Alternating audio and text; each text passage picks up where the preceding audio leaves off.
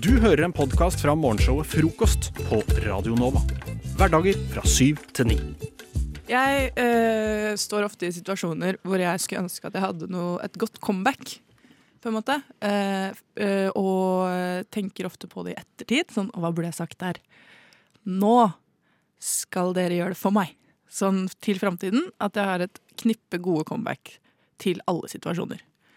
Så dere har fått i lekse å skrive noen comebacks hver. Ja. Ja. Eh, så det som nå skal skje, her er at jeg skal lese opp en situasjon. Eller lese opp, jeg skal si en situasjon. Og så skal dere få lov til å komme med et comeback, Men da, rett og slett. da må vi bruke et av de vi har skrevet ned. Ja. å si. Ja. Dere. For vi har jo ikke da fått vite hva, liksom, hva disse comebackene skal Nei. være comebacks til. Nei, nei. Så vi må bare prøve å se om vi har truffet. da. Ja, universelle comebacks. Jeg har satt dem i en rekkefølge. Skal jeg bare holde meg til den rekkefølgen like godt? Ja, kan du vel. da gjør jeg det. OK. Uh, Theis, hva svarer man hvis en kid kommer bort til deg og sier uh, du burde kanskje prøve sminke? Altså, du er stygg, jeg er feit. Jeg kan slanke meg. Nice. det var ganske bra. Passa bra. Eh, og Sander, hva sier du når du får kjeft? Har du akkurat spist ost på Men det er ikke ferdig. OK, jeg prøver igjen. Hva sier du når du får kjeft av mamma for å ha rotete rom mens du er hjemme på ferie? Har du akkurat spist ostepop, eller er det all dritten som kommer ut av kjeften din som lukter? Veldig bra. veldig bra uh, Theis, hva svarer du når du blir legga for energidrikk? Da sier jeg du er stygg, du er feit og bleik, du drar ned håret og leker deilig, du er ikke dritt, bitch, bare hør her. Det er veldig bra. Ok, og Sander, hva svarer du eh, hvis du får kjeft av ei gammel dame for å snakke i telefonen på bussen? Fiskebollen bor i havet, havet er fiskebollens hjem. Hadde du snakka under vannet, hadde fiskebollen dødd. Ok. Hva eh, svarer du, Theis, hvis du får kritikk for plagiat av en veileder på en oppgave? Altså, veileder, til at du snakker så mye, så sier du ganske lite. Den er fin. Nydelig. Eh, og Sander, du får en passiv-aggressiv es, se hvem som rydder opp etter seg, ja, fra roomien din. Hva svarer du da? ABBA. Greit comeback. Ah, ja, greit comeback, det. Det er flott. Og Theis, hva svarer du eh, når vaktmesteren der du bor kjefter på deg for å dra med grus inn? Hei, 90-tallet ringte, de ville ha håndleggene sine tilbake. De vil ha Holdningene sine tilbake. Og Sander, hva er det beste comebacket til mor di? Ytringsfriheten ringte og ba deg holde kjeft. Veldig bra! Nå har jeg jo en liste over alt jeg kan svare på alt. Praktisk. Grattis med Jeg hater dere. Dette er vår gave.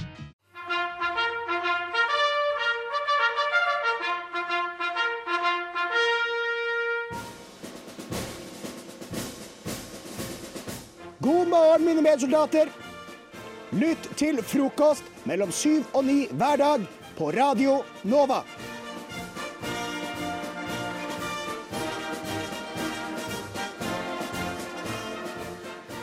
Jeg er en eh, ganske aktiv bruker på det, dette nettstedet Pornhub. kalt for uh, uh, redtube.com. Nettby. Jeg er en ganske aktiv bruker av nettstedet twitter.com. Oi. Og uh, der fins det mange mm, såkalte hva skal man si, meta, meta Jeg bare ignorerer det dere Ja. holder på med. Metaverse er noe annet. Nå har du misforstått. Jeg begynner helt på nytt. Jeg er ganske aktiv på nettstedet twitter.com. og Der fins det mye metaprofiler som baserer seg på å liksom finne ting på Twitter, og så viser de hvor mye rart som fins på Twitter. Eh, sånn som det fins på veldig mange sosiale medier, at man ser litt sånn, eh, dykker litt under overflaten på dette sosiale mediet. Eh, og Twitter er jo veldig populært i sportens verden, det er mye derfor jeg bruker det. Og veldig mange fotballfolk og fotballsupportere og fotballmennesker de bruker Twitter ganske aktivt. Og da har man jo eh, en mulighet på mange sosiale medier ved å skrive en liten bio. Der man kan skrive f.eks. Sander, 69 år, fra Skien. Det kan du skrive på din Instagram. For, For eksempel, Sander. Og så kan man skrive eh, Jeg sk prøvde å skrive en god bio, men jeg er ikke bioingeniør. Så kan man skrive Mm. 'bio min bio' og så videre. Det er mye, mye fin humor Bio man kan bio, gjøre. ja. Ja, det syns du var søtt. Hey.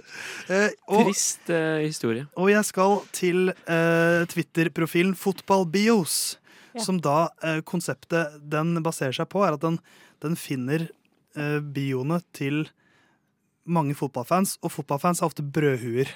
Så spesielt britiske fotballfans, der er det mye rare bios ute og går. Um, så jeg tenkte at hva, hvordan blir dette hvis, hvis man ser på Twitter-bioen til disse fotballfanene som en slags Tinder-bio? Yeah. Yeah. Um, for der kan man også skrive en bio hvor man liksom presenterer, og det sier litt om personligheten. Så jeg tenkte at jeg skal lese opp en rekke med fotballbios, som er da funnet av, på denne Twitter-kontoen, som da er bioer som folk på Twitter har, som sin ekte konto. Og så vil jeg at dere to, Sander og Marit, skal Hei, hei. kjapt si om dere vil sveipe til høyre eller til venstre Oi. på denne personen. Og høyre er da ja, og Høyre venstre er ja. nei. Dere kan, eller dere kan bare si ja eller nei, kanskje. Det er Nei, høyre venstre. Høyre eller venstre. Høyre er ja, venstre er nei. Senterpartiet er, skal i hvert fall ikke holde Ikke ulv her i trekk gården. politikk inn i dette. Det gjør disse engelske folka ofte selv. Jeg kommer til å lese på engelsk, fordi at det er det språket de fleste fotballidiotene på Twitter bruker. Nei, det var feil. Det var den jeg skulle ha. For å skape litt sånn eh, seksuell Mhm. stemning her, så skal jeg ha litt jazz i bakgrunnen. Marit har allerede begynt å kle av seg. Er dere klare? Det er, det er fordi Sander ba om det. Den første er som følger. Jeg kommer bare til å gå litt kjapt gjennom disse, så dere må være kjappe. Ja. Father of two, Burnley FC-fan. Love my boys, hate bastards. Ja, høyre. Eh, høyre, ja. Ja, Ja, ja, det er sikkert den. Mm. I write about Liverpool FC. I love them like a child or a well-groomed puppy. I enjoy farts. There, someone has said it. Socialist and proud. I love farts. I enjoy farts. Det blir venstre. Oi. Ja. Jeg syns det er lættis. Marit liker humoren. Hva med denne, da? Exposing the uneducated.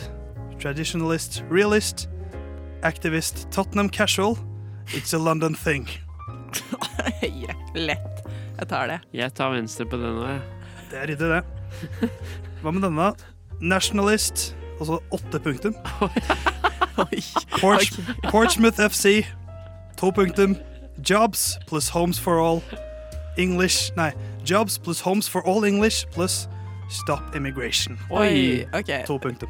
Jeg skulle til å si superswipe før, uh, før slutten der. Ja. Her tror jeg det blir Ja, eh, kanskje venstre. Kanskje Til og med Marit Rasisme. begynner å tvile. Rasisme eller åtte punkter. Det er jo mye som veier mot her. Ja. Uh, den neste. Passions, kolon.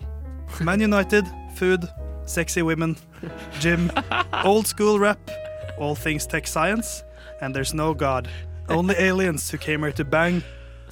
Et eller annet. Nice. Superlike. Superlike. Ja. Ja, Sterk den. jeg tar til høyre, jeg. Arsenal fan, former season ticket holder. Following Swindon, Ebstveit, and Kaiserslautern. Labour Party, Adele's number one fan since 2006. Det blir venstre bare fordi den ikke høyre. har eh, tickets lenger. Høyre. Ja, men det er gøy at man sier 'jeg har tidligere hatt sesongkort', og det er noe man skryter av. Det liker jeg. Uh, dette er den siste sjansen dere har, Oi. for nå kommer det en til. I am not welcome in the bus industry.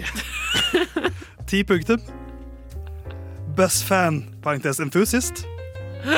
Jobs for all English plus stop immigration. Nei. Åt, åtte punktum. Play up, Pompey! Hva betyr det? Pompey er Portsmouth, en uh, klubb, okay. så han er Portsmouth-fan. Er det, er, blir det like på siste karen? Han, han er bussentusiast, da. Bus, ja. Ja. Men, men han er ikke, han er ikke velkommen i bussindustrien. Veldig Nei, da er han ikke velkommen synes- her heller. Nei. Jeg syns det er lættis. Jeg vil ha han, jeg. Ja. Give it to me. Play up, Pompey! Kroppsleiven.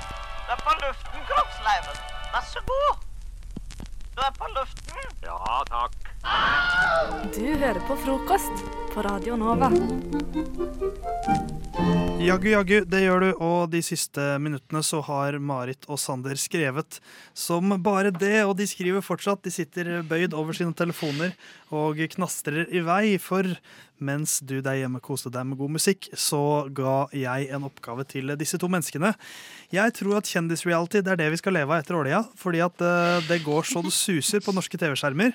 Eh, så jeg vil at vi skal lage nye kjendis-reality-konsepter. Og jeg ga dem en litt utfordrende oppgave, for eh, norsk, norske regjeringen har sagt at de skal satse litt mer på spill, altså dataspill. Og norskproduserte dataspill. Og hva er vel bedre da enn at norske kjendiser produserer dataspill, og at vi får se dem gjøre det. Eh, Jeg sa også at i løpet av denne dataspillproduksjonen så skal en av deltakerne få et sammenbrudd. Og at det skal skje et eller annet som skaper litt sånn kronikkalarm i samfunnet generelt. Eh, har en av dere lyst til å begynne? Marit har lyst til å begynne. Ja, Hun har bursdag. Bursdagsbarnet Marit. Du fikk da kjendisene Linni Meister, Hallgeir Kvadsheim, Eivind Hellstrøm Magdi fra Carpe Diem og Erna Solberg. Det er fem kjente folk, det. Så da Marit, lurer jeg på hvordan høres det ut når disse fem karakterene Ja. lager dataspill sammen? Ja, nei. I dagens episode av Spille spillet krangler fortsatt deltakerne om i hvilken retning spillkonseptet deres skal. Linni mener at et makeover-spill er veien å gå, mens Hallgeir, naturlig nok, mener at et regnespill med fokus på gode økonomiske avgjørelser er både viktig og riktig. Eivind har gitt opp å få gjennomslag for kokkeappen, mens Erna fortsatt mener at et Candy Crush-aktig konsept vil være lukrativt. Som et kompromiss mener hun det kanskje kunne gå an å slå det sammen med pengespillet til Hallgeir. Money Crush eller noe. Eh, Magdi har til nå forholdt seg stille og ikke ytret noen ønsker. Han har i stedet tatt på seg rollen som megler og trøster Linni når hun til slutt tar til tårene når hun skjønner at ingen støtter hennes idé. De andre deltakerne fortsetter krangelen, som topper seg når Kvadsheim roper frustrert Du, av alle, Erna! Eh, tror jeg er han fra? Du kunne trengt et pengelæringsspill du kunne trykka på i møtene. Eh, til slutt bryter Magdi inn i krangelen. Det er eh, ingen som gidder mer Candy Crush nå, Erna. Jeg gidder faktisk ikke en skoleapp, Hallgeir. Hans overveldende kulhet gjør alle tause, og det er ingen tvil når han til slutt foreslår at de skal lage et eh, Flappy Bird-aktig spill. Eivind blir tydelig imponert over mangekunstneren Magdi, og sier i synk at han syns det er flott at han, med innvandrerbakgrunn, kan komme med så mange gode ideer. En lite gjennomtenkt kommentar som utløser, utløser harnisk i kommentarfeltet. Der kommer vi, vet du. Selvfølgelig er det Eivind i møte med Magdi som eh, utløser kronikkalarmen. Meget godt levert. Spille, nei, spille spillet. Spille spillet, ja. Spille spillet kommer på D pluss til eh, Yes. høsten. Mens du, Sander, du Ja. fikk eh, samme kriterier for hva som skulle skje, men du fikk andre kjendiser. Nemlig. Stian Staysman Torbjørnsen, Mats Hansen, Sofie Elise, Gro Harlem Brundtland og Tone Damli Aaberge. Så har vi hele navnet hennes. Og da lurer jeg på, Ja. Sander, hva skjer når disse fem menneskene skal lage dataspill sammen? I første episode av Dataen på NRK møter fem spente deltakere opp utenfor Silicon Valley i California med koronapass i bagasjen. Mats Hansen er, ikke sikker, Mats Hansen er sikker på at han skal klare å lage den nye Fortnite, men at det vil kreve enda mindre arbeidsinnsats enn han vanligvis legger ned. Tone Damli er i utgangspunktet usikker på konseptet, men har benyttet muligheten til å komme på TV for å promotere remixen av Butterflies hun har jobbet med de siste tre årene. Vel inne i programmeringshallen møter deltakerne hverandre. Staysman foreslår umiddelbart et spill hvor man skal kunne drikke øl gjennom skjermen, men flere er skeptiske til følgene det kan føre med seg. Som tidligere leder i Verdens helseorganisasjon er også Gro Harlem Brundtland skeptisk til helseskadene det kan medføre. Hun foreslår heller et dataspill som kan holde ungdommer i fysisk aktivitet, f.eks. ved å riste på kroppen. Hun foreslår navnet Harlem Shake for å nå det internasjonale markedet. Sofie Elise setter først i gang med koding. Hun er tross alt smartere enn hva 90% av Norges befolkning tror, og her er det ikke noe tvilsom dyrevelferd å bli opprørt av.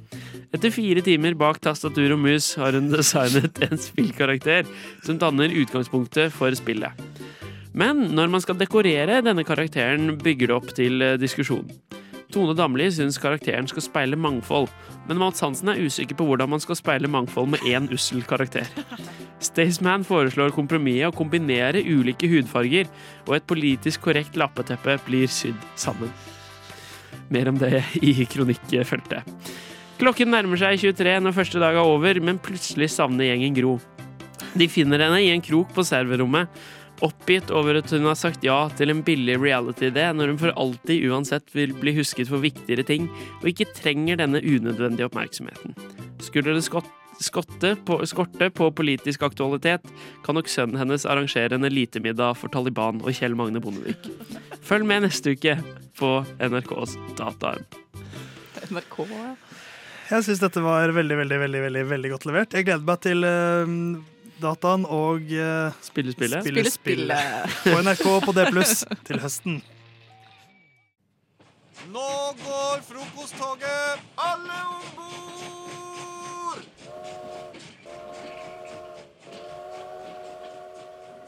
Ok, jeg har en uh, idé, fordi uh, eh, vanligvis når man skal lage en film, så starter man med å lage selve plotten, og så eh, lager man kanskje litt sånn skreddersydd musikk til, eh, som skal passe til. da. Ofte så ser man jo også Man, har, man kan se liksom klipp av et orkester som sitter og spiller mens de ser på filmen, så alt skal bli helt riktig. Men eh, hva man hadde startet i omvendt rekkefølge. Så det jeg har gjort nå, det er at jeg har gått inn på Spotify, og så har jeg funnet eh, litt musikk som er litt sånn bakgrunnsmusikk, litt også sånn eh, lydeffektaktig, som har mye kraft og en eh, viss stemning i seg. Så da tenkte jeg at eh, dere, Sigrid og Frida, annenhver gang skal Dere får hver deres sånn lyd, uh, bakgrunnslyd, og så skal dere starte på en eh, filmplott. Og så første som starter, begynner å fortelle litt av storylinen, og så skal neste ta over. da. Så Ja. det blir som en sånn stafett. Han bytter på en måte med musikken mens musikken går. Ja, Men det er samme historie, da. Så da må dere eh, bygge på hverandres. Oi, så det er én historie gående? Yes. OK. okay. Ja. Hvem føler seg trygg på å starte? Ja, du kan ta Jeg åpningsreplikken, ja. tenker jeg. Det var en helt vanlig dag i livet til Bengt. Han startet med å gå ut døren, som han alltid gjør hver eneste dag. Ned trappen, hoppa på 13-trikken og tok den i retning jobb. Alt var som skulle. Han hadde spist to brødskiver med gulost til frokost og drukket tre kopper kaffe. Og så, ut av det blå, datt noe ned på han som han aldri kunne glemme. Og livet ble forandret for alltid.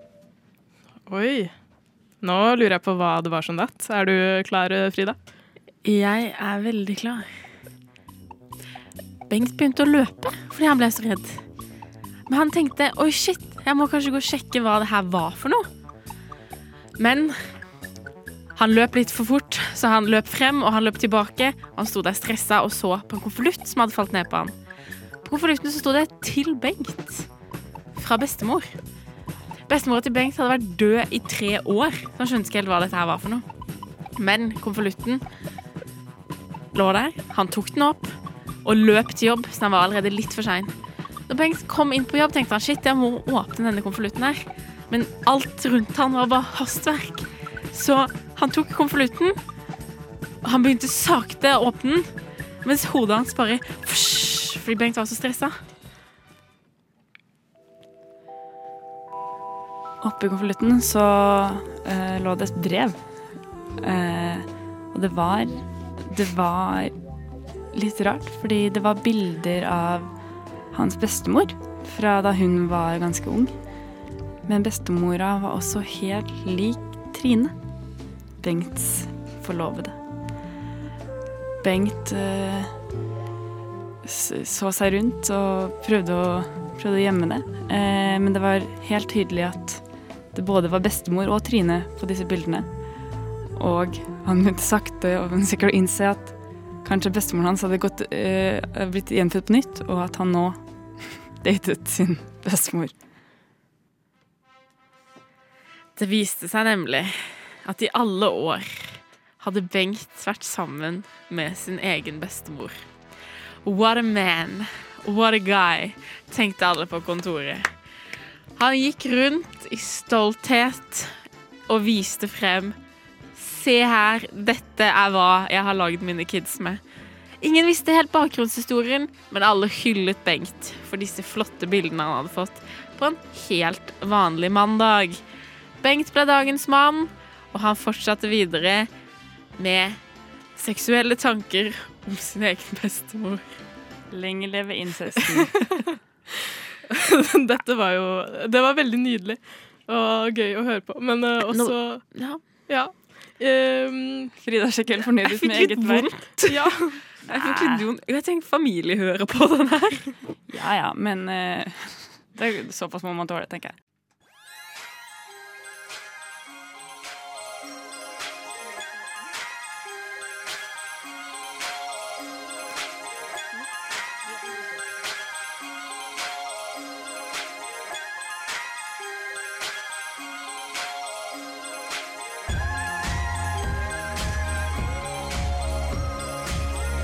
Siden 1982 har Radionova gitt deg favorittmusikken din. Før du visste at du likte den.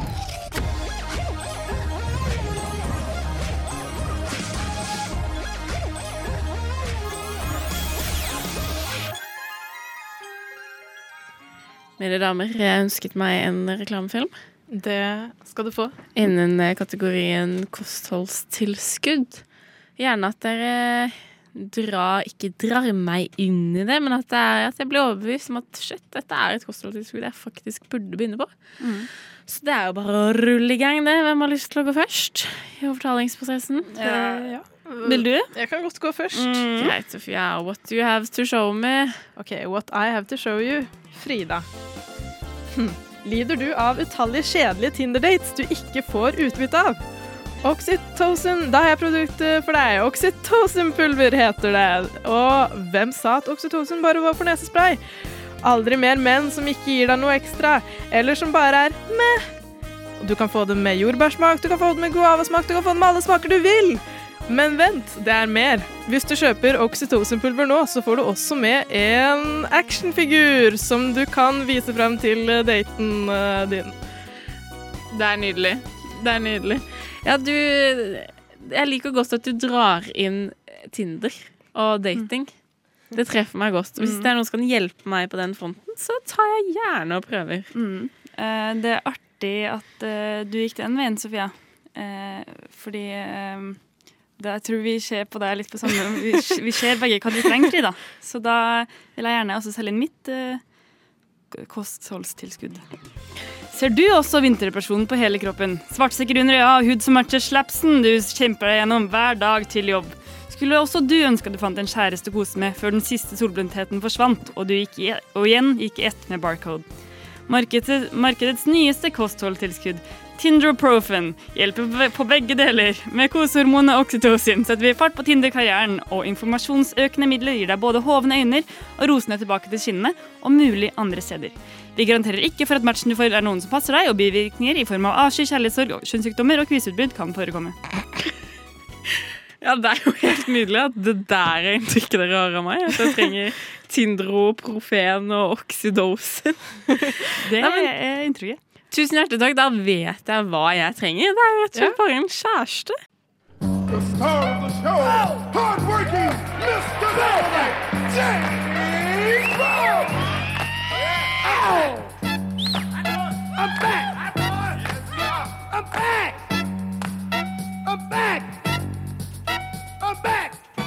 Hi, everybody. This is James Brown, the Godfather Soul on Radio Nova.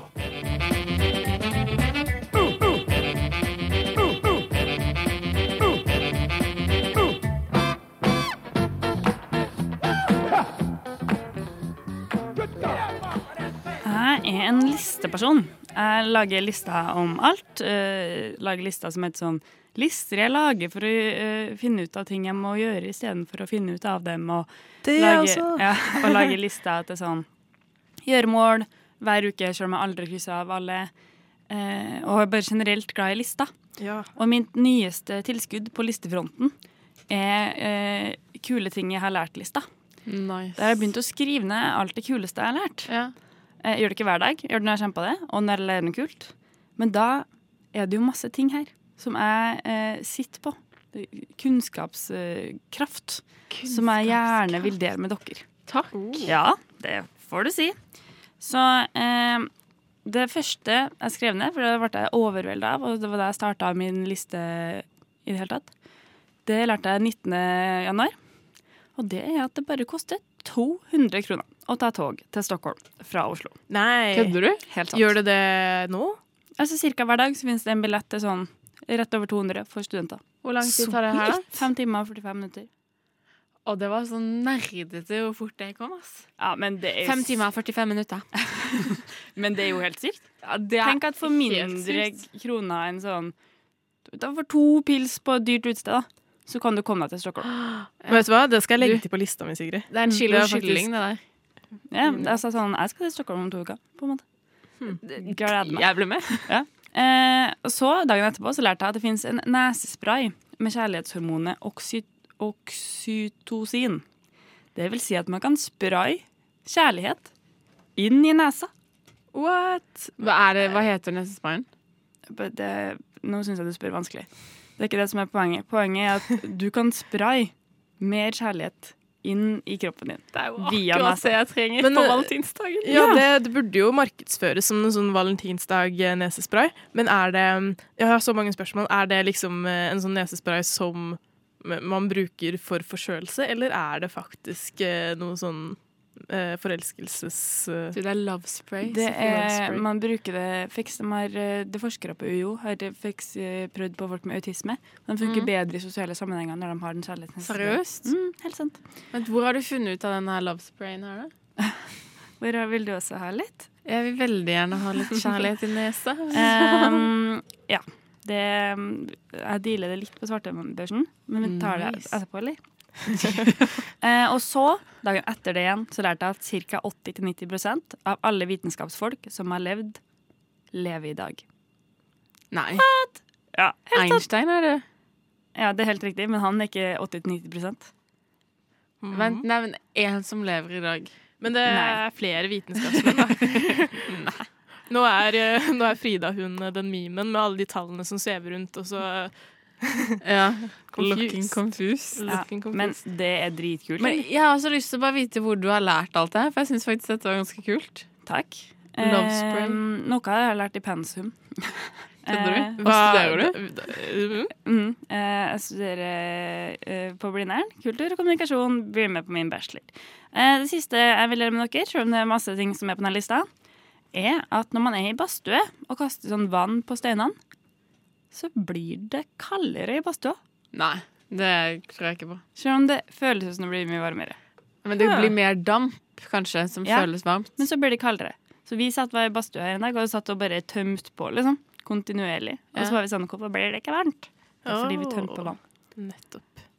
Livskunnskap, Frida. Du, Hmm. Det det, går ikke inn i hodet ditt. Du ser altså så forvirra ut. Nei, men jeg, det er liksom sånn Du har jo alltid hørt det er kaldt i badstua. Ok, du hiver på litt vann på steinene, så blir det varmt. Det er, hjernen min tror så sykt på sånne placebo-opplegg. Det er bare si meg noe.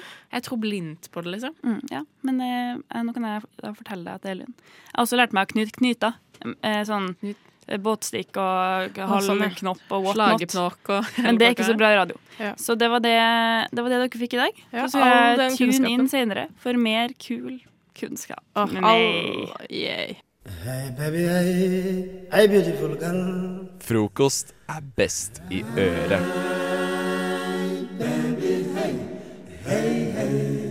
Hey beautiful girl. Før disse fantastiske sangene så ga jeg en utfordring til Mari og Anniken, som, eh, hvor de skulle finne, eller gi meg eh, forklaringen på hvorfor, eh, hvorfor noen land heter det de heter. For eksempel Norge heter jo Norge fordi det var The Northern Way, eller Norwegen, som har utviklet seg til å bli Norge etter hvert, eller Norway. Og, og Mari, du fikk Spania, og Anniken, du fikk Tsjekkia. Mhm. Så da foreslår jeg nesten egentlig at jeg er veldig nysgjerrig på Tsjekkia. Hvorfor, hvorfor Tsjekkia heter det Det heter, heter Tsjekkia, rett og slett? Ja. ja, det kan jeg forstå at du er nysgjerrig på. Jeg skal forklare det for deg. Det skjedde altså i de dager. I 1464 at eh, to kompiser i Polen hadde en interesse som var litt utenom det vanlige. De hadde begge funnet seg en forkjærlighet for living. altså denne hobbyen hvor man går ut i skogen og leker rollespill med hverandre. Og det var ikke, det var ikke lov det i Polen på den tida. Det var verre enn abort i Polen på den tida. Eh, Så de var nødt til å holde det skjult. Eh, Og da tenkte de at vi er nødt til å gå vi er nødt til å gå så langt utafor allfarvei som vi kommer. Og så gikk de i mange dager, mange netter. 40 dager, 40 netter ble det til slutt. Helt til de kom da, til et eh, ganske tungt område. Um, og så stoppa han ene opp, og så sier han Ja, men her, her, Rudolf, som kompisen heter. Her kan vi live. Her kan vi live både dag og natt, for her er det ingen som er. Her, det her er bare vårt land, det. Ingen andre bor her. Ingen andre er her. Og så sier han, eh, kompisen Rudolf, han sier Ja, men har du sjekka? Ja, jo, jeg sjekka, ja. Klart det. Og sånn da ble det at eh, det landet der endte med å hete Tsjekkia. Ah, ja, det se der, ja! Se Det visste jeg ikke. Nå, nå har jeg det i, i banken min, at nå eh, kan jeg forklare hvorfor det heter Tsjekkia. Ja. Men det er også en eh, litt mer, litt mer offisiell eh, på en måte en falsk offisiell, da. Ja vel. OK, da. Men det er rett og slett at eh, Tsjekk på en måte er det tsjekkerne selv kaller det området. Det er altså Czech Republic, som det heter på Mhm. engelsk. Men før så ble det kalt Bohemia. Og det Bohem er jo på en måte noe vi kjenner litt igjen, da. Og det innbyggerne i da, dette gamle Bohemia, som nå er Tsjekkia, Mm. de ble kalt for boyere på norsk. Men på engelsk ble det kalt for boy med to i-er. Så det betyr egentlig homo the boy. Yeah, boy. Yeah, boy. Fy faen, det er fett. Ja, det er fett, ja. Men Spania, det fikk du, Mari. Ja, jeg fikk Spania. Eh, og eh, det er jo en ganske enkel grunn til det, egentlig. Det jo Det kommer jo fra altså Spania, eh, og der hører man jo Spania. Og den, det betyr jo direkte oversatt fra spansk, for alle som kan spansk, er, snakker spansk flytende. Det betyr jo ost. Eh, og det her er rett og slett bare en tradisjonell Det er jo den spanske nasjonalskatten, den osten Spania. Ja, eh, som er, liksom, har vært med i all tid. Eh, og veldig tradisjonell kost. Du lager det av masse, masse geitemelk, kanskje et spann. Eh, så står, driver spanjolene og yster og holder på eh, for å lage veldig mye nei, geiteost som de eter hver søndag. Og som alle som har vært i Spania vet, så kan du kjøpe det på markeder og i butikker og eh, på restauranter. Så eh, det, tenkte det tenker jeg alle, alle veit. Det stammer altså fra mjølkespann. Jeg har alltid tenkt at Spania er mest kjent for sine ysteri. rundt omkring. Det er det jeg tenker du tenker på. at Ja. Ost. Nå kommer jeg i alle fall til å gjøre det. Men Spania også har en sånn litt fiffig, fiffig grunn til at det heter det. Altså det, det, det, det stammer fra Hispania, som romerne kalte området. Men eh, hva Hispania kommer fra, er veldig usikkert. Men det er også ikke sant, her strides de lærde, som det Mm. heter. Det er En teori er at, eh, at det var Hispalis, at det var det det kom fra, som betyr byen i den vestlige verden. Det er jo vest for Roma. Eh, og så er det en annen eh, teori som er landet der metaller er støpt. Ok. Så har du da den mest eh, kanskje kontroversielle, men også kanskje mest sannsynlige teorien, som er det stammer fra det ordet Isfania, som rett og slett betyr kaninenes land. Land of the rabbits. Land of the rabbits. Og det høres ut som en tulleteori, men hvis du ser på gamle romerske mynter fra før Kristus, så er det på en måte, som er da fra Spania, så ser du at det er fra, det står sånn Hispania, og så er det en eller annen sikkert eh, Julius Cæsar eller noe sånt på mynten, og så er det en liten kanin ved siden av, på gullmyntene. Så det kan faktisk hende, sannsynligvis, at Spania er Land of the rabbits. Eller kaninenes land. Tenk at Hvis vi hadde gjort som dem, så kunne vi hatt eh, kaniner på, på kronestykket i stedet for kongen. Ja, hvis vi hadde Ja. Hvis vi var spanske. Har du registrert denne fjelltoppen din, Cap? Frokost. Jeg har med min smarttelefon opp på gamle godegøra. Pip. Nå går jeg ned. Nede. På Radio Nova. Til helgen begynner OL. Det er vi glad for. Det er vi glad for. Vi gleder oss. Mm. Jeg gleder meg iallfall Ja. veldig mye. Og I den anledning så kom jeg over en, eh, en fiffig liten sak fra OL i 1904. Så nå begynner det å bli en liten stund siden. Da. Og da Mm. var det sommer-OL i St. Louis St. Louis. ja, i eh, USA. Og grunnen til at dette OL var så spesielt, var dette maratonet. Og det, jeg tror dere, dere kan, kanskje har hørt om én hendelse fra dette maratonet. Fordi den personen som gikk først over målstreken, han hadde egentlig blitt veldig sliten ganske tidlig i maratonet. Og egentlig bare vært sånn Nei, dette gidder jeg ikke mer. Så han hadde gått uh, ut av banen. Eller hva man sier. han hadde gått ut av tracksa for å uh, haike med en bil uh, tilbake til stadion for å skifte tilbake okay. til sånn vanlig tøy. Mm. Um, på veien hjem, altså på den 19. milen da, av maratonet, så broka den bilen down, som det heter så fint på så fint norsk. At uh, han var sånn Æ, faen. Ok, ut og jogge resten, da. Og da lå jo helt første løypa. Så han endte jo opp med å bli kåret til vinner fordi han, uh, han hadde kjørt bil. Dette viste seg i ettertid at han hadde juksa, så, så han mista gullmedaljen. Mm. Men da, den personen som da hadde gått i mål som nummer to, som da endte opp med å få gullet, det var ikke noe mindre rart med han. Fordi han hadde løpt bra, og så begynte å bli veldig veldig sliten mot slutten. Og da hadde teamet hans gitt han en blanding av brandy og stryknin. Og stryknin er en sånn eh, rottegift. som han hadde løpt på, så han hadde begynt å hallusinere, for dette var før doping. Ja, ja. Så det var sånn der, dårlig forsøk på å dope. Så han begynte å hallusinere voldsomt, og hadde jo egentlig ikke klart å komme seg over målstreken.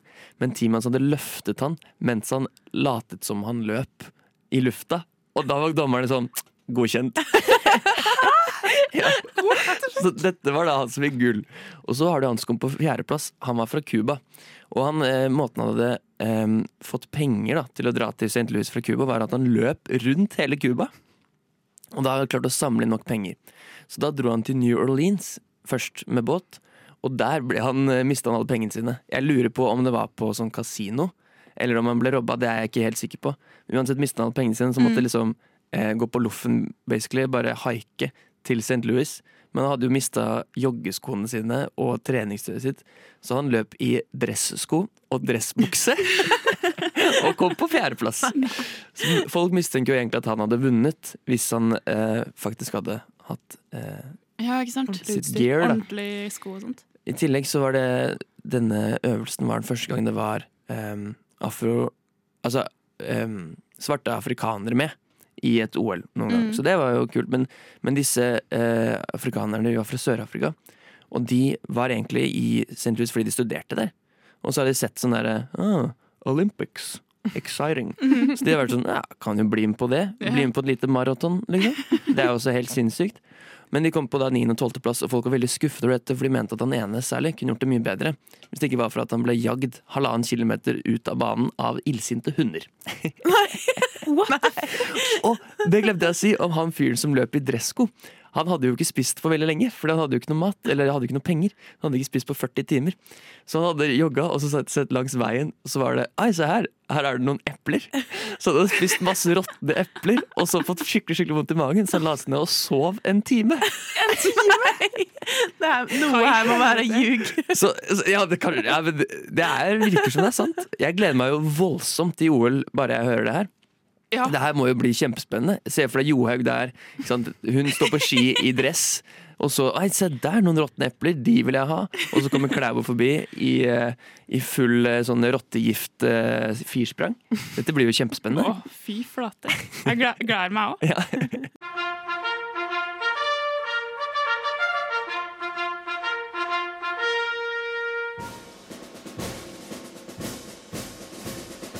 God morgen, mine medsoldater. Lytt til frokost mellom syv og ni hver dag på Radio Nova.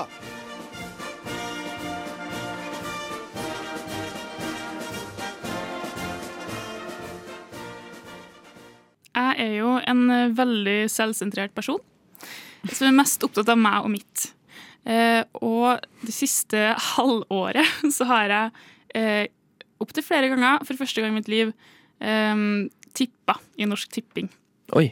Fordi at jeg har lyst til å ha skikkelig flaks og vinne masse penger. Og så har ikke det gått veien. Fordi eh, jeg, har, sånn, jeg har fått 140 kroner en gang, og så har jeg fått 50 kroner en gang. Men jeg har ikke liksom sånn fått tilbake mer enn jeg har brukt på tipping. Hvor mye tipper du liksom for en vanlig gang? Å ja, nei, bare sånn en, altså en femtilapp, da. Hvordan funker tipping? og så tipper du på fotball? Eller, eller Nei, jeg, jeg tipper bare på sånn de spillene som er i Norsk Tipping-appen. Altså sånn oh, ja, typ, ok. typ, Typ eh, Vikinglotto og Lotto og sånne ting. Ah, Ja, okay, den type greier. Eh, og det går ikke så bra.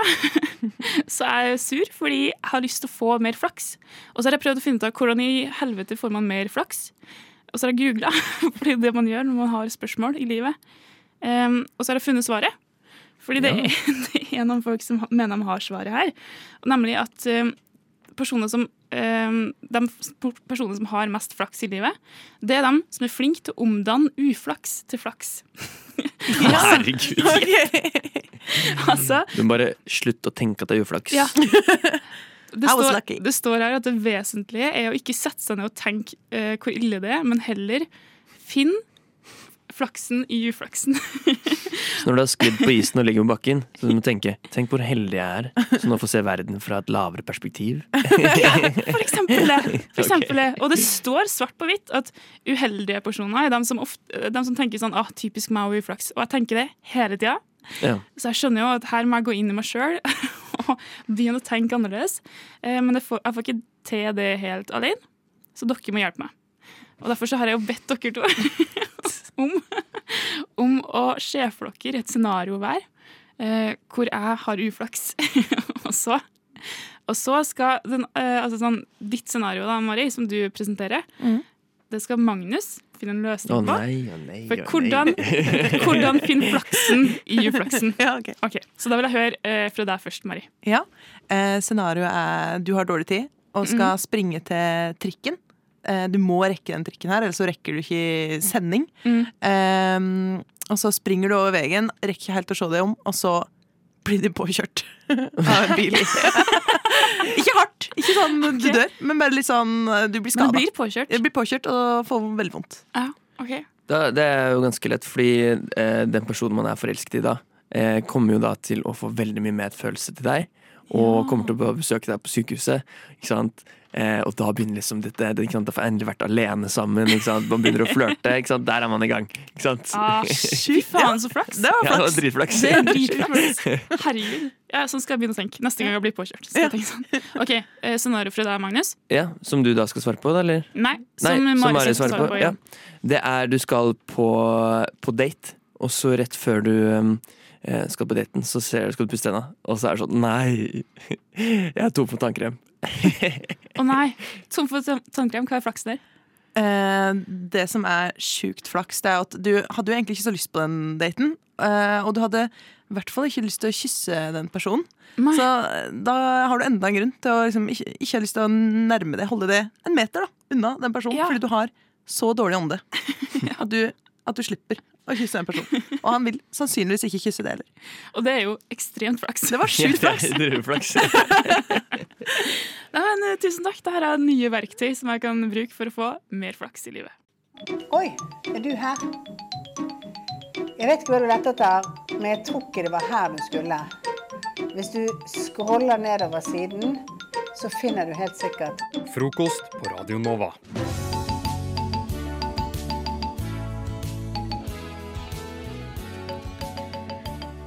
Isolasjonfascinasjon.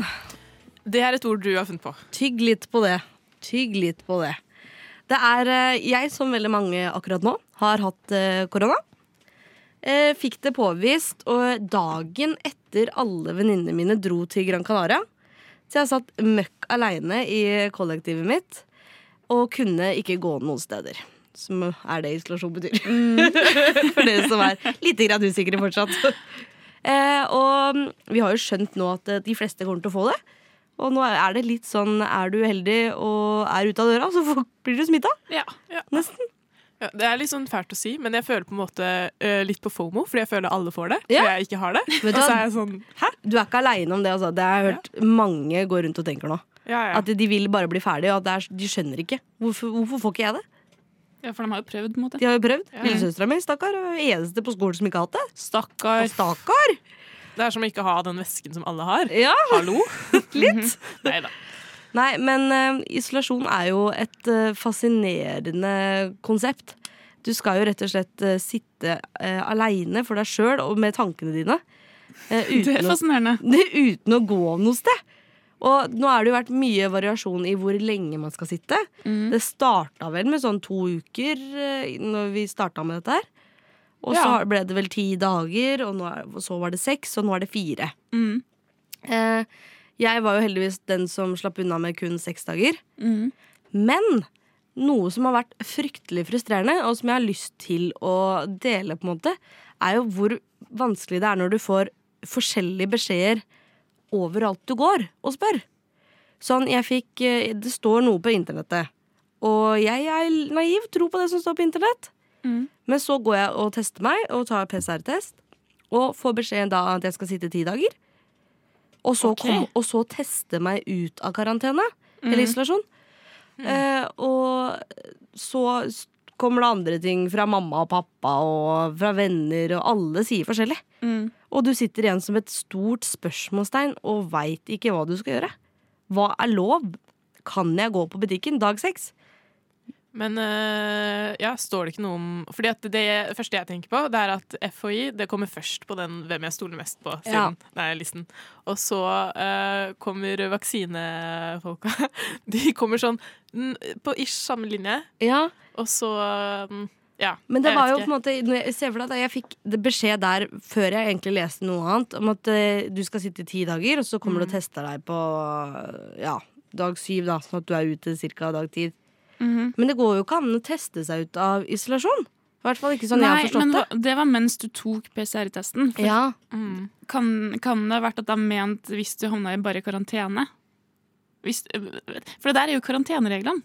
Eh, Karantenereglene i det siste har vært Fram til nylig så har det vært ti dager. Isolasjon? Men, men nei, karantene. Ti dager Ja. karantene, og så kan du teste deg ut på dag sju. Hm.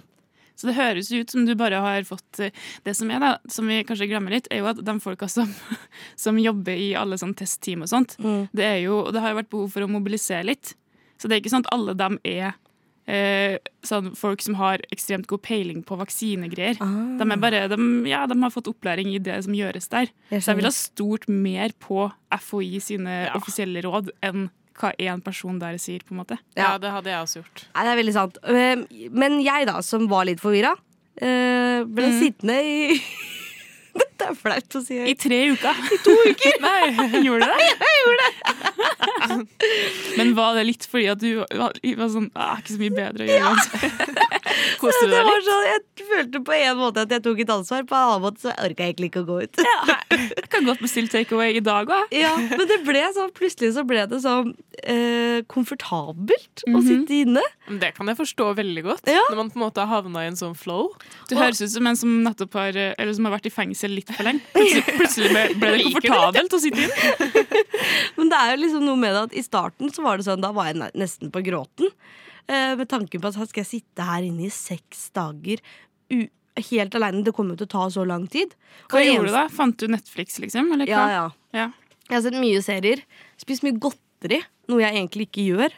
Eh, og, det merker jeg, og det merker jeg har ødelagt litt, eh, litt for meg, for nå er det søtsuget kommet tilbake. Mm. Eh, og det har, jeg aldri, det har jeg ikke kjent på på nesten to-tre år. Å, herregud. Så det, det er skikkelig, skikkelig rart. Så det er bare å, å kutte cold turkey igjen. Ja, det tror jeg Men eh, nei, mye serier, og så har det vært mye TikTok, altså. Og jeg har Ja. lagd mye TikToks. Har du det? Du har lagd ja. selv også? Ja, hva slags greier er det du lager? Er det danseting, liksom?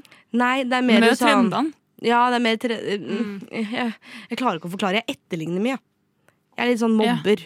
Ja, ikke sant? En snill mobber som ikke poster de. Snill mobber, ja. Det er all, det alle mobbere sier. Er en snill mobber. En snill mobber. Som har bare mista det litt.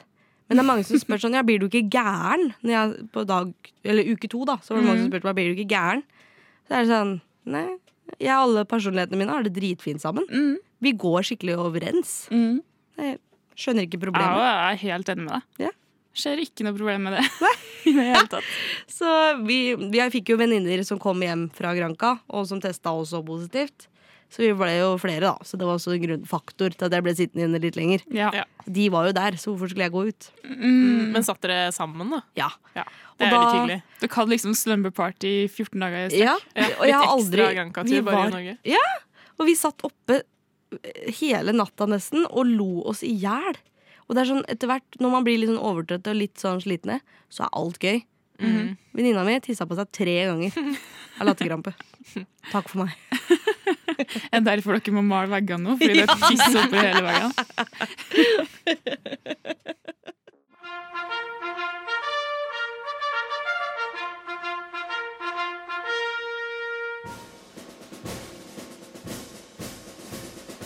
God morgen, mine medsoldater.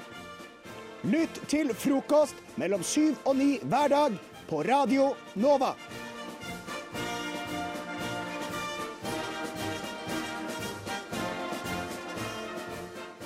Matprat har kopiert eh, layouten til Tinder, som betyr at du kan sveipe på mat. Genialt konsept. Og det syns jeg er litt artig. Så derfor Litt så, artig, da. Litt artig, da. Så derfor så tenkte jeg eh, at jeg hadde lyst til å dra den enda litt lengre. Og har gitt, eh, nå har jeg gitt da Anniken, eh, Anniken og Lotte oppgaver om å lage Tinder-bioer til retter. Og det har vi jo gjort. Det har vi gjort. Det har jo... Hvordan har det gått, Anniken? Eh, Jeg syns det har gått eh, greit, jeg. Al- Altså, sånn, det er jo mm, Den matretten jeg har valgt, er jo Det er ikke så vanskelig å winge den, for å si det sånn. Å ja. Er, er du lett på tråden? Ja, nei. Men matretten min er det. Ja, ok. Jeg har jo satt meg helt inn i dette. Jeg føler jeg er retten min akkurat nå. Og nå ble jeg veldig nysgjerrig på hva slags retter dere har. Ja. Vil du at vi skal avsløre det? Ja, gjerne. Hvem vil du at skal starte? Um, Lotte, du kan starte. Ok. Jeg har um, valgt Yum Buns. Og skrevet en liten Tinder-bio for den. Anniken, er det mulig å få et, ei lita teppe? Ei lita bakgrunnsmusikk? Eh, ja, hva slags uh, greier vil du ha? da? Vil du Jeg vil ha noe sexy. Vil du ha det her, kanskje? Jeg vil ha noe sexy. Nydelig. Mhm. Mystisk. Avansert. Annerledes. Men helt verdt det. Nytes etter 60 minutter med hard jobbing og tilberedning. Jeg er het og varm. Pass på at du ikke brenner tungen din. Leter etter noen som er sultne, og som er klare for å utforske sammen med meg. Og favorittlåten min er faktisk Yummy av Justin Bieber. Det der er faktisk en veldig bra låt.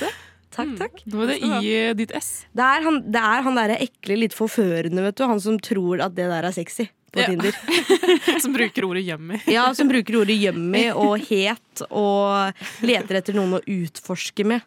Det er et eh, fare Eller det er et varseltegn jeg i hvert fall forbi, forbigår. forbigår. Sveiper feil vei, da, holdt jeg på å si. Nei, Ja. gud, jeg orker ikke mer. Ja. Men hadde dere sveipa? Eh, om vi hadde sveipa? På Yumbuns? På Yumbuns. Altså, etter det innsalget der, så er det vanskelig å ikke, ikke gjøre det. Ja. Dere hørte at det blir ikke beskrevet mye av maten, mest, mest fordi jeg ikke egentlig helt vet hva det er. Nei, men det er noe Men hjem er det faen meg. Ja, det er Ja. i hvert fall hjem. Yummy, eh, faktisk. Anniken, nå er jeg litt eh, nysgjerrig på hva du har. Ja, OK. Um, jeg har valgt meg krydrede kjøttboller i tomatsaus. Middels 20-40 minutter. Fem stjerner rating. Ser etter noen som vil være rundstykke til kjøttbollene mine. Kan by på god kryddersmak. Servert i en heftig, velsmakende tomatsaus. Utømmelige mengder saus, faktisk. Disse bollene er ekstra store og kjøttfulle. I en innpakning som ikke lyver. Parentes. Har fått høre at porsjonen ser liten ut på bildene, men den er skikkelig stor i virkeligheten. Aldri fått noen klager. Oh, her var det jo bare eh, pøns på pøns på pøns. Og bøns. Og bøns, ikke minst. Buns på bøns på bøns. Buns på buns på buns.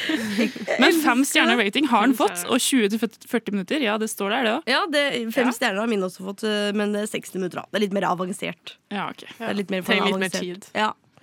Må er det. varmes opp, holdt jeg på å si. Men det, man får lyst på den maten her, eller? Ja, ja, ja. Ja. Ja, Altså, jeg hallo. håper det. Ja. Gå inn på Matprat og sveip litt på, sveip litt på kjøttboller og b- buns. Yes, sir. God morgen. Har du sovet godt? Å, godt å høre. Skal vi høre på frokost sammen? Ja, la oss, eh, la oss gjøre det. Herregud, jeg gleder meg til det mest etiske og riktige sportsarrangementet dette året. Det er snart OL i Beijing, dere. Har dere pakket eh, kubjellene og sitter benket foran TV-en sånn i to drager dere? Ja, lytteren ser jo ikke dette, men jeg kommer jo direkte fra Himmelske freds eh, plass, hvor Ja. jeg har med meg en eh, sender som jeg har Jeg har på ekte vært i Kina. Oi, unnskyld, jeg, jeg avbrøt deg til og med for å si det. unnskyld, det var altfor raskt. Jeg skal ikke fortelle om det. Jeg vil bare at jeg, har- jeg har har på ekte vært i Kina. Hvor i Kina var du? Når var du der? Chengdu, Sichuan-provinsen. Å, herregud, er ikke masse god mat der? Jo, jo, det er, Er sånn, det det er spennende? Kina. Jeg har ikke vært i Turistkina. Jeg har vært i vært i spennende Kina. I, i Tibet eh, kult Ja, men det er ikke det vi skal har- prate om. men Det er jo en rar fleks. Nei, er Tibet Kina? Det er en, det er en Oi, oi, diskusjon. oi, Og med de ord, det er fordi har du da drevet med bob i Kina noen gang, Sunne? Sømløst over i Fyren eller idretten? Fordi Jeg har møtt Big Mr. Bob helt på ekte. Hør nå, eh, Sander. Det er ikke kødd engang. Har du møtt Jeg har det! Har en, en mann som var kledd ut som Ja, så du har møtt en mann som er kledd ut som byggmester Bob, ikke byggmester Bob. Få høre om din bob, Anders. Jeg, fordi jeg begynte å se på programmet for OL. Jeg er veldig glad i vinteridrett. Og så var jeg sånn, ok eh, jeg er jo, Man ser på ski, man ser på skiskyting. Ja, sånn. Begynner det i dag? Ja, gjør det ikke det, da? Jo, det jeg lurer jeg på det om det gjør. Det det. gjør det, det gjør det. Og i den forbindelse så har jeg nemlig tenkt å ta opp en idrett som jeg føler får litt for lite cred, og som jeg selv har sett en del ned på. Bob? Ja. Nå flyter det så greit. Jo, men fordi, ikke sant, Du har en del idretter som eh, er på en måte mainstream-aktig. Du har ski og hockey og skøyter, sånn som det er en del land som følger med på. Så har du de litt rarere idrettene, typ hopp. Det er en del som følger med på det òg, men det er, altså, det er særere. Curling. Men ingenting i mitt hode er rarere enn bob. Så var jeg sånn, hva er egentlig bob for noe?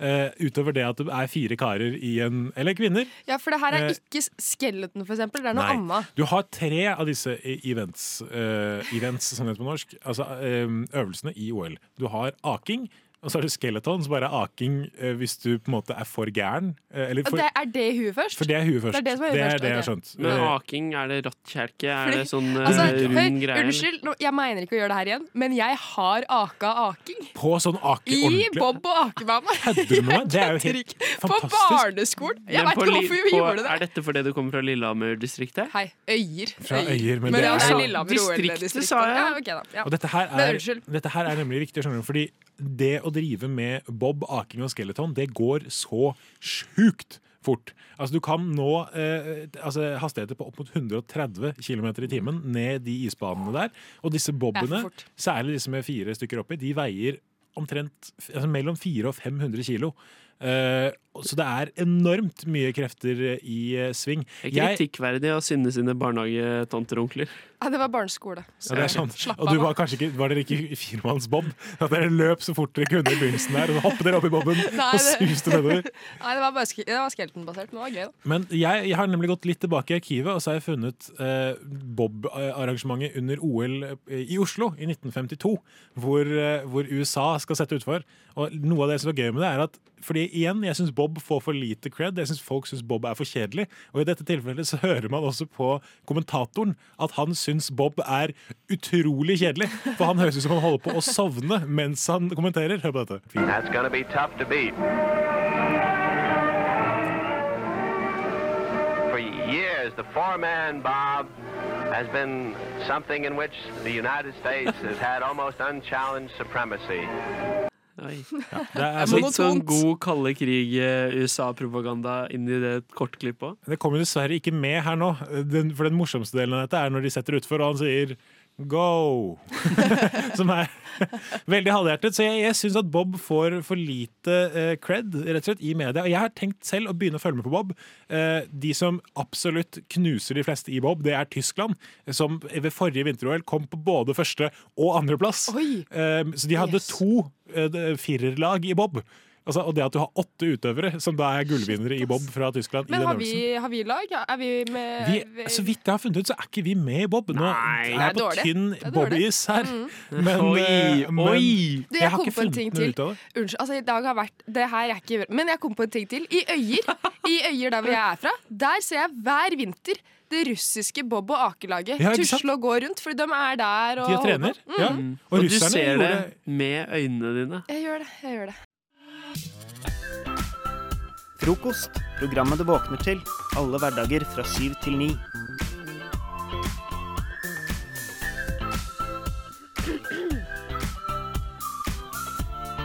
Minoriteter bør ikke avbildes i læreverket for ungdomsskolen. Synne, Det synne, synne. Det er en upopulær et eksempel på en upopulær mening.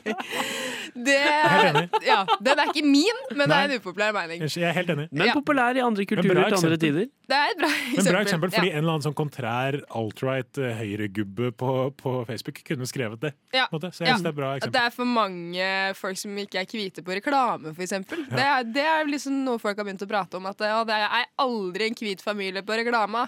Men sånn, herregud. Ja, slapp av, da! Hvor mye Coop Nei, jeg hadde ikke noe. De er veldig hvite, de på Coop eh, Extra-reklamen. Men eh, jeg har vært ute i feltet og eh, og samla inn eh, ikke én Men to upopulære meninger. Vanligvis så går jeg for tre, men eh, jeg fant ikke tre forskjellige upopulære meninger. Eh, vi kan jo høre på Nei, ja, det greit. Vi skal diskutere om vi er enige eller ikke. Eh, og om det er en upopulær mening eller ikke. Da Snurr film. Jeg mener at mobbing er viktig. Hvorfor det? For uh, utviklingen av forskjellige typer mennesker gjennom barndommen. Altså, det er jo ikke tvil om at ehm, mobbing eh, preger mennesker. Det er ingen eh, tvil om det. Er, er dette spilt inn klokka 08.00 på en mandag? Eller når er det spilt inn?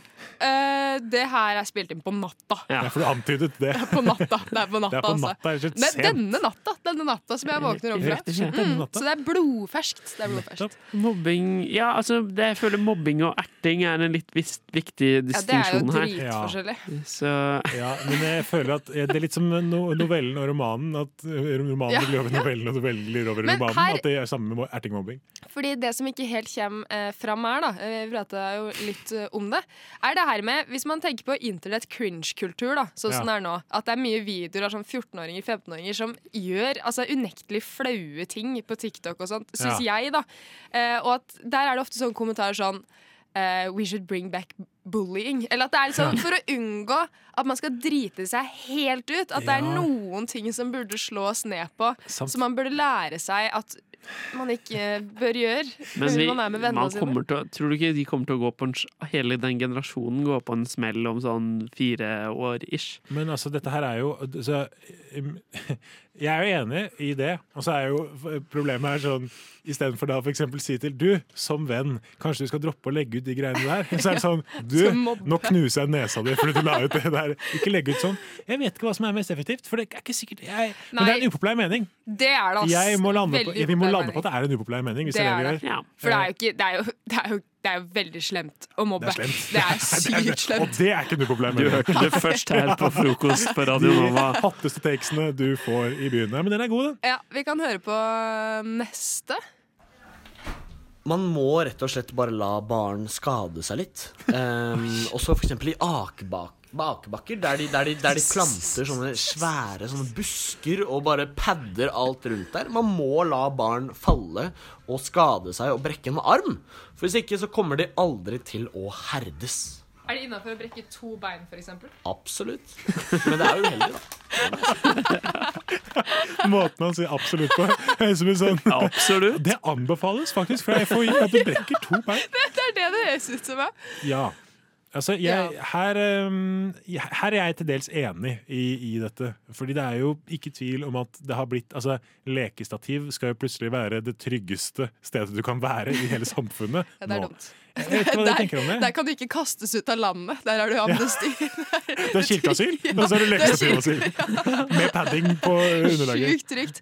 Men jeg, jeg, jeg tenker at i utgangspunktet så er jeg jo ganske enig, og det er ikke, det er ikke den mest kontroversielle meninga, men når det kommer til sånn OK eh, det, Oppfølgingsspørsmålet mitt, da. Om man kan, kan man liksom legge til rette for at ja, her er det mulig at barnet brekker begge beina, Ja. men vi skal ikke gjøre så mye med det. Det må man bare lære Og det tror jeg bare er bra for dem. Ja, Ja. fordi når de kommer dit, da, så Ja. tror jeg kanskje at det er for langt. Men Ja. det, altså, det skal også være sagt, når det kommer til å pedde ting med glava og sånt Først så skjønner jeg altså, Glava? Glava? ja, ja, sånn glava Glava rett, det er sånn de gjør det på kjører- du har jo lite plass Det er glava rett på lekestativet. At det er litt sånn, ja ok, det er kanskje bra hvis du kan stange inn i stanga og få kul i huet. Ok, Men, men eh, fun fact. I Øyer så var det noen som sklei ned uh, i Hafjell på en sånn svær glavakjukka som noen hadde tatt av en, oh, av, en av heisestolpene. Smalt inn en vegg og døde. Største ironien i hele verden. Å bruke beskyttelsesutstyret til å ake på, og så dø. Det er Men det jo var ikke barn, da. Så Nei. sånn sett så okay, ja, det- har det ja. ingenting med saken å gjøre.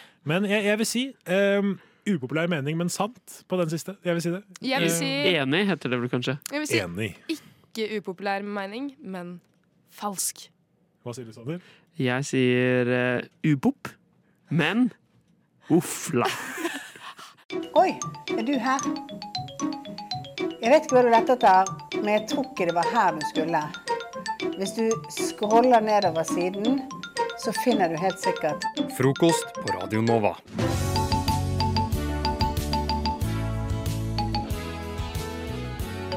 Jeg danser til denne flotte xylofon-trudelutten? Jeg er en, spørsmålstegn. enighet. Ja. Xylofon. Uh, mens jeg vil gjøre oss klare for å gå inn i min eh, faste quiz-spalte. Uh, som rett og slett går ut på at jeg har sendt dere tre kategorier. Jeg har sendt dere en melding hvor det står smak, beskrivelse og farge. Dere skal da gi meg en av dem, og så skal jeg gi dere tema og spørsmålene i etterkant. Så dere vet, dere har allerede svart på en quiz. Vi brukte jo låta nå på å svare på disse tre, tre altså en, en, en Dere har, smak. dere har funnet, men dere har ikke svart på spørsmålene ennå. Men det. det, og når jeg stiller dere spørsmålene, så er, skal dere da argumentere for at det svaret dere har, er riktig og best og bedre enn det andres. Eh, Så da tenker jeg egentlig vi bare kjører ei lita Går det bra, Synne? Er du, er du klar for Er du klar Jeg har for det? sittet og skratta av meg sjøl. Eller, det er ikke så morsomt. Ja, Jeg vi, bare- vi gleder oss. Jeg gleder meg. Hvordan mener du Eiffeltårnet er bygget av manchego? Det er altså Pakistan som er hovedstaden i Troms og Finnmark. 33! Det er det villeste jeg har hørt! Nå skal du få jobbe her. Morgenkvisten. Nå skal du få jobbe her. Ja, velkommen til Morgenkvisten. Temaet i dag er kunst og kultur. Og da er første av tre spørsmål hva smaker kultur? Anders, Kultur, hva smaker kultur? det smaker bittert. Bittert. Ja. Hvorfor gjør det det? Det smaker bittert. Jeg vet ikke om du har hørt, snakket med noen eh, som har vært i nærheten av kulturbransjen, men bitrere folk enn folk som jobber i kulturbransjen, det skal du lete lenge etter. Ja, Det skal jeg love deg. De har lyst til å brenne hver Kurt eneste Nilsen vil ha kulturminister. 100 millioner Kurt Nilsen Ja, vil ha 100 millioner i Så sitter det en eller annen på et bitte lite lokalteater i Finnmark og sånn Helvete! Sånn er det, Den stemningen der er det i kulturlivet hele tiden. Føler jeg. Ja. Så bitter føler jeg er spot on her. Bitter er spot on, så du står faktisk for svaret Jeg står ved bitter. Jeg hadde svart bitter hvis jeg hadde Ja. visst spørsmålet på forhånd. Ja. Mm. Eh, Synne, hva smaker kultur for deg? Vannmelonbrus. Men du, det verste er at det, den er lett å stå for. Fordi vannmelonbrus det er noe man kan kjøpe på Neo Tokyo. Arkaden i Karl Johan. Å, som er sånn eh? Japan Oslo, ja. ja, Japan-butikk. Og der kan man kjøpe sånn rar brus som heter Ramune. Eh, og, som smaker vannmelon. Og det er, jo det er jo smaken av kultur. En annen kultur. En annen kultur, ja. Ja. Kan jeg bare si akkurat det når den heter Ramune? Ja. Jeg føler at det, Da er du fra Fredrikstad og snakker om jeg møtte Ramune Skal ned til Ramune etterpå. Ned til Kjempebra Østfold-dialekt, Anders. Du må dra litt på det. Ja. Ja. Nei, men eh, du skal få vannmelonbrus. Men, men andre spørsmål er eh, Vant stopp, stopp, fikk- vant hun det poenget? Nei, jeg tulla egentlig. Du skal få Fy faen! Jeg banner ikke på Jeg tar radio. imot tanke. Jeg tar imot tanke. Men ja, andre spørsmål. Hva slags farge har kunst, eh, Synne? Rød. Rød. Hvorfor er kunsten rød? Uh, har du sett kunst, eller? Den er jo rød støtt og stadig. Eh, Munch. Rød betyr kjærlighet. Det er- Nå jobbes det med kunst- og Rød, håndverks... rød signaliserer kjærlighet og fare, som Ja. er de to tingene som holder eh, kulturbransjen i live. Kjærlighet og fare. Ja. Der, her argumenteres det godt. Anders? Eh, Kultur er selvfølgelig turkist. Ja. For og turkis er en blandingsfarge. Altså det, det, Er det? trekker, det er det. Det er grønn og blå, min ukultiverte venn. Det er og du trekker da på et spekter fra farger fra forskjellige steder. Det gjør kulturen også. Samler inn under én favn. Litt små dråper fra alle steder. Hvis du fanger mange små dråper av mange farger, så får du turkis. Er du en liten edderkopp? Jeg er en liten edderkopp. Jeg beveger men hendene grønn er sånn. jo en blandingsfarge i utgangspunktet. Er det ikke? Grønn er jo en blandingsfarge i Er grønn en blandingsfarge? Det er jo bare tre primærfarger. Ja, men det er det- det- Hvor gammel er du egentlig, det er jo, dette er jo mitt poeng. At du har, du har gul der, og du har blå Ja. der, og du får grønn. Turkis er jo en lysere Jeg skal, grønn. Jeg skal ærlig innrømme at jeg bare tenkte gjennom fargepaletten mellom alt du sa, så jeg får heller høre det i reprisen etterpå. Synne, du får ett poeng her. fordi du ikke Og det står, det står, det står likt foran siste runde. Og siste runde, spørsmålet da, det handler om kunsten, da. Ja. Um, Det handler om kunsten. ja, jeg har skrevet farge igjen. Jeg Ja, var for litt trøtt på trikken i dag. Ja, for vi ble bedt om eh, Beskrivelse. Ja. Ja, da, skri, da er spørsmålet beskriv kunsten. Anders? Ja, grumsete. Eh, og det henger jo litt sammen med både bitterheten fra tidligere og også den turkise fargekombinasjonen. Nettopp dette med at, at når du er grumsete, så er det, det er vanskelig å navigere. Det er mange sure, sinte, skumle folk i, i kulturbransjen, Mm. men du, det, det er mulig å finne fram der. Men det er et vanskelig og grumsete farvann. Mm. B- beskriv kulturkunst. Ja, jeg har jo litt flere ord, da. Ja. Er det lov? Dommer? Overdommer? Det, er, jo- det var jo beskrivelse. En beskrivelse. Det er ikke dårlig. Hundeaktig. Ikke ulikt det de innfødte kaller en chupacabra. En hva for noe? Hundeaktig. Ikke ulikt det de innfødte kaller en chupacabra, men med tresko istedenfor poter. Det er, det er smalere. Det er jo en, det er jo en beskrivelse. Hva er det i kaffen din i dag? Ja, hva skjer? Men det er kunsten, da. Det er kunsten. Vet du hva? Jeg, jeg, jeg, her leverer dere godt begge to. Så det blir ett poeng til hver av dere, og to poeng til lytteren. Ja. Så lytteren og dere er likt. Ja, så, lytteren vant ikke engang. Nei. Så alle, Alle taper. Ja, takk for oss. Som i livet for øvrig. Og kunsten. Den grumsete kunsten.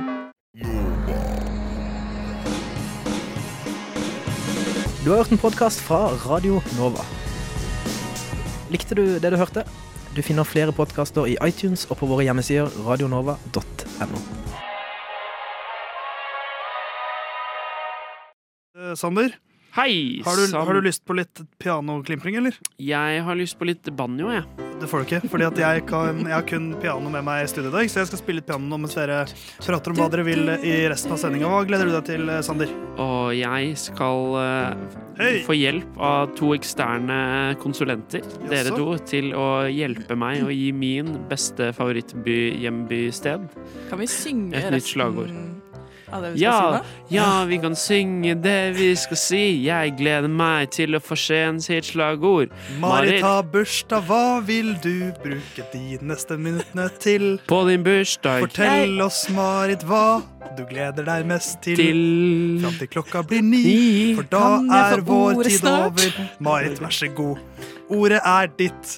Nå. Men før du tar ordet, så må jeg bare si Du er en at dere er hore. flotte mennesker. Nei da, jeg Spesielt tulla. du, Sander, og du, Marit. Marit. Hva er det du har lyst til å bruke neste timen på? Jeg vil at vi skal komme med noen gode comebacks, for det er litt vanskelig av og til. Ja, det Comebacks, det er ikke så lett. Hitler prøvde det i 1945.